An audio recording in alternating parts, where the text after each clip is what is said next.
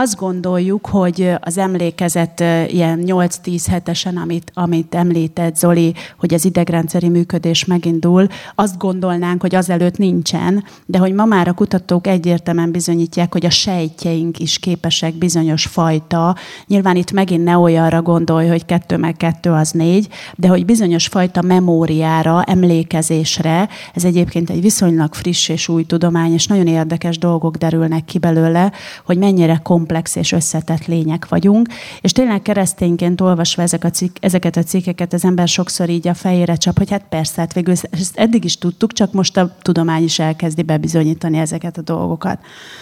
És hát magára az abortuszra nagyon nagy hatással volt ugye a szexuális forradalom is, ami szorosan összekapcsolódik a fogamzásgátlóknak a kitalálásával és fejlesztésével, ugyanis mindaddig, amíg nem voltak stabil és megbízható fogamzásgátló eszközök, addig a nők szexuális élete sokkal inkább visszaszorult és sokkal inkább korlátozott volt, hiszen bármilyen kapcsolatból sokkal hamarabb és könnyebben estek teherbe, ezért az 50-es években Amerikából indultak ugye ezek a hippi és szexuális forradalmak. A, egyértelműen ez nagy hatással volt arra, hogy aztán az abortusz is egy sokkal inkább képbe került, és a női jogok és a fogamzáshoz, a fogamzás szabályozáshoz, az anyasághoz a nőknek egészen más fajta jogokat helyeztek előtérbe. És nagyon fontos nektek, hogyha elmentek a, a terepre, hogy úgy mondjam, hogy egy kicsit legyetek tisztában azzal, hogy nektek mi a saját véleményetek a az abortuszról, hogy hogyan viszonyultok ehhez a témához, hogyan viszonyultok ahhoz a fiatal lányhoz, aki lehet, hogy minden nap mással bújik ágyba, és egyszer csak teherbe esik. Mert abban az esetben, hogyha ti nem tudtok ezekhez az emberekhez szeretettel fordulni, és ez bármilyen furcsán is hangzik, és ez nem egyenlő az elfogadással, ez a szeretettel egyenlő, akkor nem fogtok tudni valós segítséget adni. Úgyhogy azért írtam ide föl, hogy ugye mindenkinek van egy véleménye az abortuszról, ez a vélemény, ez folyamatosan alakul és finomodik. Hozzátok otthonról, amiket a szüleitektől hallottatok, az interneten, a médiában, barátok, ismerősök, ahogy az ember találkozik egy olyan igazi, közeli hozzátartozójával, akinek nehéz terhessége, nem kívánt terhessége, esetleg abortusza volt, ez is változtatja, finomítja, módosítja a véleményünket, de hogy nagyon fontosnak érzem azt, hogyha ti ebbe a munkába szeretnétek beállni, akkor meg kell próbálni tárgyilagosnak lenni, és szeretetteljesnek. Tehát soha senki felé nem jó az, hogyha ítélkező és, és, és a megmondó, a tutit megmondó emberként álltok oda, függetlenül attól, hogy nagyon bízunk benne, hogy valóban ti az a csapat vagytok, akik soha nem kerültök ilyen helyzetbe, de, de mégis lehetnek nehéz élethelyzetek keresztény nők életében is, és nagyon fontos dolog az, hogy, hogy tudjátok őket elfogadni, mint embert, nem a cselekedetet, nem a, a szexuális perverzitást, vagy a kicsapongást, nem az abortuszt, de azt, hogy ő egy nehéz helyzetben lévő ember. A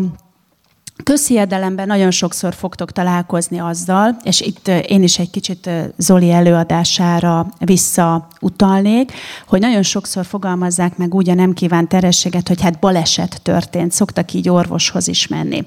Hogy az elsődleges és legfontosabb dolog az, hogy saját magatokba is, és elsősorban azok felé, akik felé szolgáltok majd ebben a nagyon fontos misszióban, tudatosítsátok, hogy nem akkor kell az embernek elkezdeni gondolkodni, amikor már ott a nem kívánt terhesség, hanem jóval előtte. Tehát nagyon fontos a, felelősségvállalás, a megfontolt szexuális élet, mert azt gondolom, hogy azt kell hirdetnünk, hogy azt bárki eldöntheti, hogy kivel, mikor, hogyan és hol élne mi életet, de ha már megfogant az a gyermek, akkor annak a sorsáról dönteni már van még pár lehetőség, de egészen mások és sokkal korlátozottabbak a lehetőségek. És nagyon fontos, hogy a fiatalokat sokkal inkább ebbe az irányba mozdítsátok el, hogy rávilágítsatok arra, amit Zoli is említett, hogy nem létezik olyan, olyan fogamzásgátló módszer, ami százszázalékos, és ha világban él, és nem érzi elfogadhatónak azt, hogy ő házasságig tiszta maradjon, és a házasságba kezdjen el nem életet élni, akkor is legyen tisztában azzal, hogyha azzal az adott fiatalemberrel ő nemi kapcsolatot létesít, akkor akármilyen védekezés mellett is bizonyos százalékban teherbe tud esni. És ez egy megdöbbentő dolog, mert lehet, hogy most számotokra is ez adott esetben teljesen triviális, de hogyha ezt majd meglátjátok, elmondjátok fiataloknak, akkor nagyon sokszor csak néznek nagy szemekkel, hogy, hogy hát ők ebből az irányból még sosem gondoltak a szexualitásra. Abból az irányból már gondoltak sokszor, hogy milyen jó lesz, vagy most már ciki, hogy szűz vagyok, vagy milyen szép az a fiú, vagy milyen jó lenne már ezt is átélni. Tehát nagyon sokféle irányból közelítik meg a fiatalok, hogy miért akarnak szexuális kapcsolatot létesíteni, és nagyon jó, ha erről is beszélgettek velük, hogy a szexualitás az egy érték, az egy ajándék, az a tény, hogy valaki ö, odaadja a testét valaki másnak, ennek van súlya, ez nem olyan dolog, mint hogy elmegyünk együtt moziba és megiszunk egy üvegbort, és nagyon jó, hogyha erre fordítjátok a beszélgetést, nagyon jó, ha ezt hangsúlyozzátok, és nagyon jó, ha azt mindenképpen hozzáteszitek, hogy ha viszont úgy dönt, akkor legyen tisztában azzal, hogy ez, ettől az embertől lehet, hogy terhes is lesz. És hogy ezt így, ezzel a szemlélettel szeretne ezzel az emberrel szexuális kapcsolatot létesíteni. Mert az nem egy baleset, az nem egy véletlen egyszer csak hoppot termett egy kisbaba, ahhoz mind a kettejüknek aktívan részt kellett venni az együttlétbe, és hogy ez egy nagyon fontos dolog, hogy ezt tudatosítsuk a fiatalokba, mert ez hihetetlen, de hogy legtöbbször már itt nincsen a fejükbe egy összekapcsoló, mert persze ezt elmondod neki, akkor azt fogja mondani, hogy nyilván tudja. De hogy nem kapcsolja össze ezt, hogy a szexualitás és a fogamzás az összetartozó pár. Nagyon fontosnak tartom azt, hogy képe legyetek abban, hogy hogyan tudunk segíteni ezeknek a hölgyeknek, mik azok a, az alternatívák, amiket fel tudunk kínálni. És ideírtam az egészségügy felelősségét, mert nagyon, nagyon gyakran látom azt, hogy valaki egy nem kívánt terhességgel teherbe esik, elmegy a az orvoshoz, ott azt mondja, hogy én meg szeretném szakítani ezt a terhességet, és utána az orvos elküldi a megfelelő helyekre, végigmegy az egész procedúrán úgy, hogy egyetlen egy olyan emberrel nem találkozik, aki azt mondaná neki, hogy hé ember, vannak más lehetőségek is. Tudnotok kell, hogy a, önmagában a várandóság is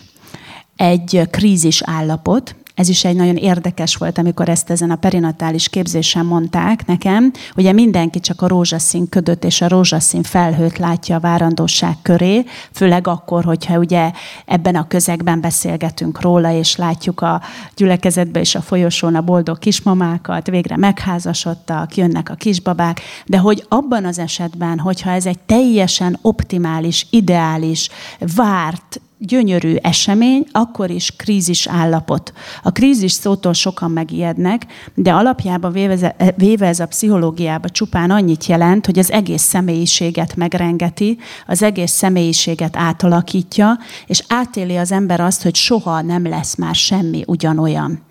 Nagyon sokszor sajnos a fiatalok pont emiatt félnek a házasodástól is, mert az is egy krízis állapot, de hogy nagyon sokszor a soha nem lesz semmi ugyanolyan, nem azt jelenti, hogy minden rosszabb lesz, hanem hogy minden más lesz. És ugyanúgy, ahogy mondjuk a, a, amikor az embert fölveszik például az egyetemre, akkor ott sem lesz soha. Az is egyébként egy klasszikus krízis állapot, tehát vannak az ember életében ilyen nagy krízis állapotok, és ez megint olyan dolog, hogy azért jó, ha tudtok róla, mert egyrésztről saját élményből tudtok meríteni, tehát nem kell ahhoz átélni az abortuszt, hogy el tud mondani azt, hogy a te életedben is volt olyan krízis állapot, aminél úgy érezted, hogy az ég a földdel összeszakad, és hogy nem tudsz merre tovább menni, és hogy akkor is volt kiút, és akkor is van megoldás, mert hogy a krízis állapotokat újra és újra mi is átéljük. Tehát ilyen krízis a, egyébként a csecsemőkorban is már maga a születés, tehát ez is egy nagyon érdekes dolog, hogy az a megküzdési stratégia, hogy megszületünk.